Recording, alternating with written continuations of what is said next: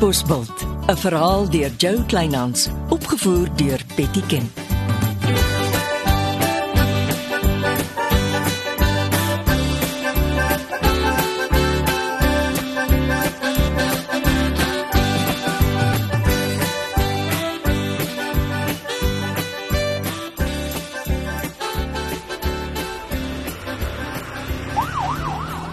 Ek het jou uitdruklik gesê vat dit stadig met jou ma. Ek praat, maar sy wou nie hoor nie. Hoekom bel jy my nie toe nie? Sy het die fees so geniet. En toe werk sy haar tot binne in die hospitaal in.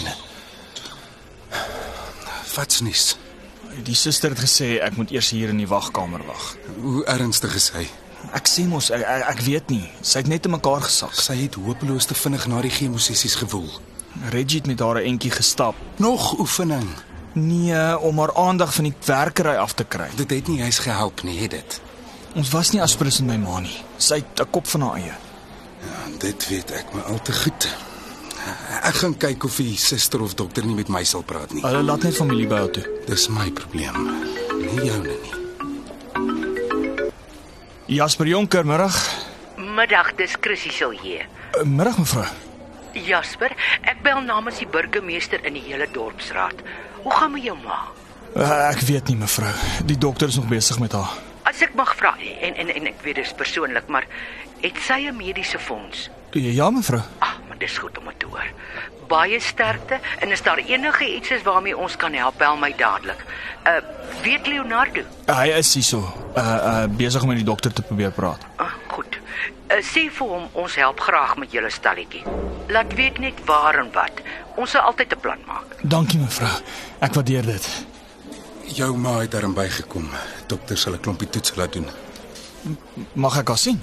Gaan vra die dokter. Hulle gaan haar inspuit. Die dokter voel sy moet goed rus. Ek bly vandag hier. Dis tyd mors. Sy gaan slaap. Tannie Halfmens het laat weet hulle help graag met ons stalletjie. Pas op dat sy nie hoor wat jy haar noem nie. Luister, ek stuur vir Joseph Morfees toe. Dit sal goed wees as jy my hand kan gee sover jy kan. Ek sal die restaurant beman. Ek sal daar wees. Ek moet net weet my ma gaan alright wees.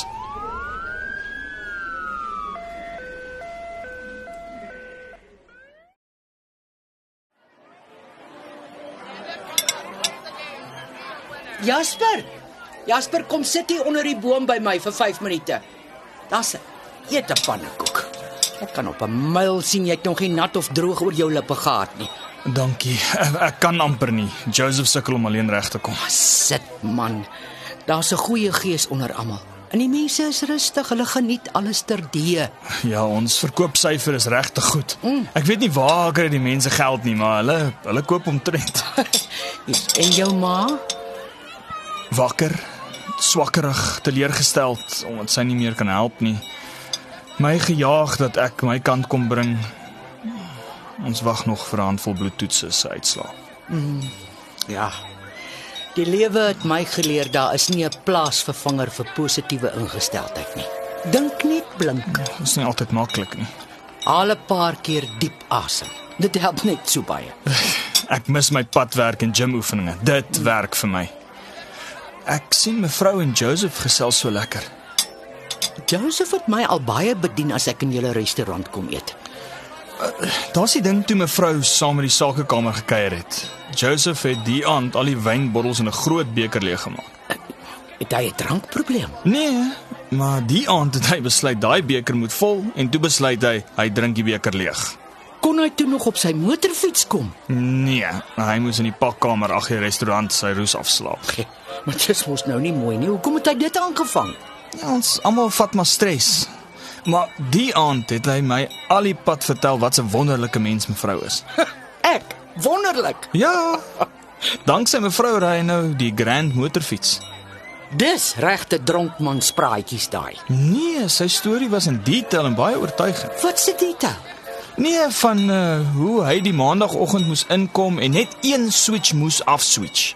En die volgende oggend moes hy weer die een switch net aanswitch. En daar ry hy met 'n splinternuwe motorfiets werk toe en huis toe. O, oh, ek sien.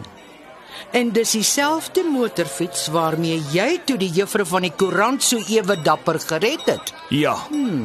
Maar Dit was na 'n gebeurtenis wat my lewe de mekaar geruk het. Ek, ek het nie eintlik geweet wat my tref nie. En ek lees so tussen die lyne dat jy vanoggend onder hierdie boom pannekoek in die hand my daarvoor wil blameer. So halfpad. Ek weet dit het oor die tweede brandlys in my baas se kantoor gegaan. Daar was iets in die brandlys wat vir mevrou en vir iemand anders baie belangrik was. En jy het nie idee wie die iemand anders is. Hmm, Ek het baie gedink. Dit gaan oor die groot beklei tussen mevrou en Monique en toe beland ek in die middel. En het jy al jou gedagtes met jou baas gedeel? Nee. Sy kop is te mekaar genoeg. Maar ek dink mevrou moet weet hoe Joseph sy motorfiets gekry het. Jy weet maar eh, jy gaan nie 'n groot storie hiervan maak nie, gaan jy? Nee. Die brandlys is gelukkig weg. Dankie vir die pannekoek. Ek weet hoekom dit die beste verkoper op die hele fees is. Waar lam jy weg? Ek het net vinnig by die ander uitstallings in. Joseph versuip in al die werk en jy is vermis in aksie. Het Joseph en meneer gebel? Ja, om kos te bring. Wel ek is hier. Ek los my weer alleen nie. Genade Leonardo, dis goed om jou by die dorpsfees te sien. En vir wat sit jy so hoog en droog hier onder die boom? Ek dink jy is besig met die uitstalling van die dekade. Oor jou bevoetermeter kom ook nou maar net nie uit die rooi uit nie. Ek verstaan Ernst Elof is hier in al sy glorie. Ja, dis beter dat die man hom positief besig hou as wat hy homself verknies oor die skelm Gretchen. Ek hoop regtig die polisie gryp vir Simon Slotmaker. Hy's die enigste man op die dorp wat brandkluise kan oopmaak. Mm, toe nie. Ons poskantoorman is weer terug op die polisie se radar. Het jy geweet die vent het vir Simon Slotmaker gewerk? Nee. Die man was nogal 'n soort pronkhaan. Altyd vol goedkoop opmerkings oor hoe netjies ek aangetrek is en hoe goed my plaas lyk vir eene wat 'n vrou alleen bestuur word. Ah, Die kaptein soek Lodewyk Langsberg met 'n seer hart. Hy glo vas hy is Gretchen se vernoot in al haar misdade. Nou, toe nog. Ek wil sommer vir ou Simon laat toesluit. Chrissy, jy kyk heeldag in ernstige gesig vas. Hoekom kry jy nie die man se kop geswaai nie? Eh, ek is bly jy's hier en ons praat rustig. Ek uh, hou nie van jou stem toe nie. Erns gaan nie sy plaas verkoop nie. Hy wil sy aftreehuis daar bou en dis sy finale antwoord. Dit kan mos nie waar wees nie. Maar daar is 'n ander opsie. Solank jy nie dink ek gaan my hotel op halfmens bou nie. My mandag. Want dis nou 'n goeie idee. Ek het Chrissy, my daaraan argitek gedink is nie. besig om my hotel op Erns se plaas te bou. Stop hom. Koop herklaas se plaas. Die man is op moed verloor se vlakte na Gretchen sy brandkluis leeg gedra het. Ek sal eers alles moet platslaan en wegry. Ek glo vas jy kan die plaas vir 'n appel en 'n ei koop. Die man hou nie van my nie. Hy het nog altyd geweier om in my restaurant te eet. Ek ry laatmiddag oor. Ek sal met hom gaan praat. Probeer om 'n goeie verkoopprys vas te maak. Maar jy werk deur Gert om die transaksie deurgehaak te kry. Herklaas en hy kom goed klaar. Mamma, dankie. Solank ek net vinnig rigting kry. Nou ek bel jou sodra ek daar was. My magtig. Loop jy alweer rond, mannetjie? Ons bedry meneer. Die hospitaal het gebel. Die dokter wil dringend met ons praat oor my ma.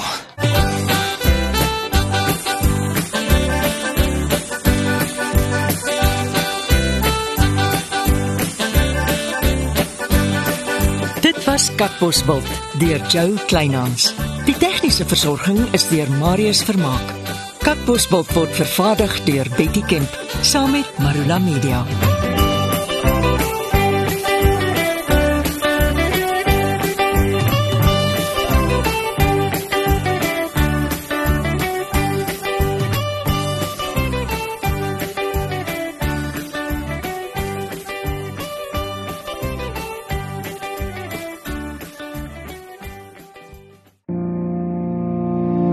Kom kuier saam met my, Kurt Darren en nege van my sokkie musiekvriende op die Super Sokkie Bootreis 2024. Marula Media gaan ook saam vanaf 8 tot 11 Maart 2024 en ons nooi jou om saam met ons te kom sokkie op die musiek van Jonita Du Plessis, Early B, Justin Vega, Jay, Leani May, Nicholas Lou, Jackie Lou, Dirk van der Westhuizen Samantha Leonard en Ray Dillon. Afrikaanse musiek gaan weer klink, van die kuierareas tot die dek tot reg in die teater van die splinternuwe MSC Splendide. Bespreek nou jou plek op die Super Sokkie bootreis by www.msccruises.co.za.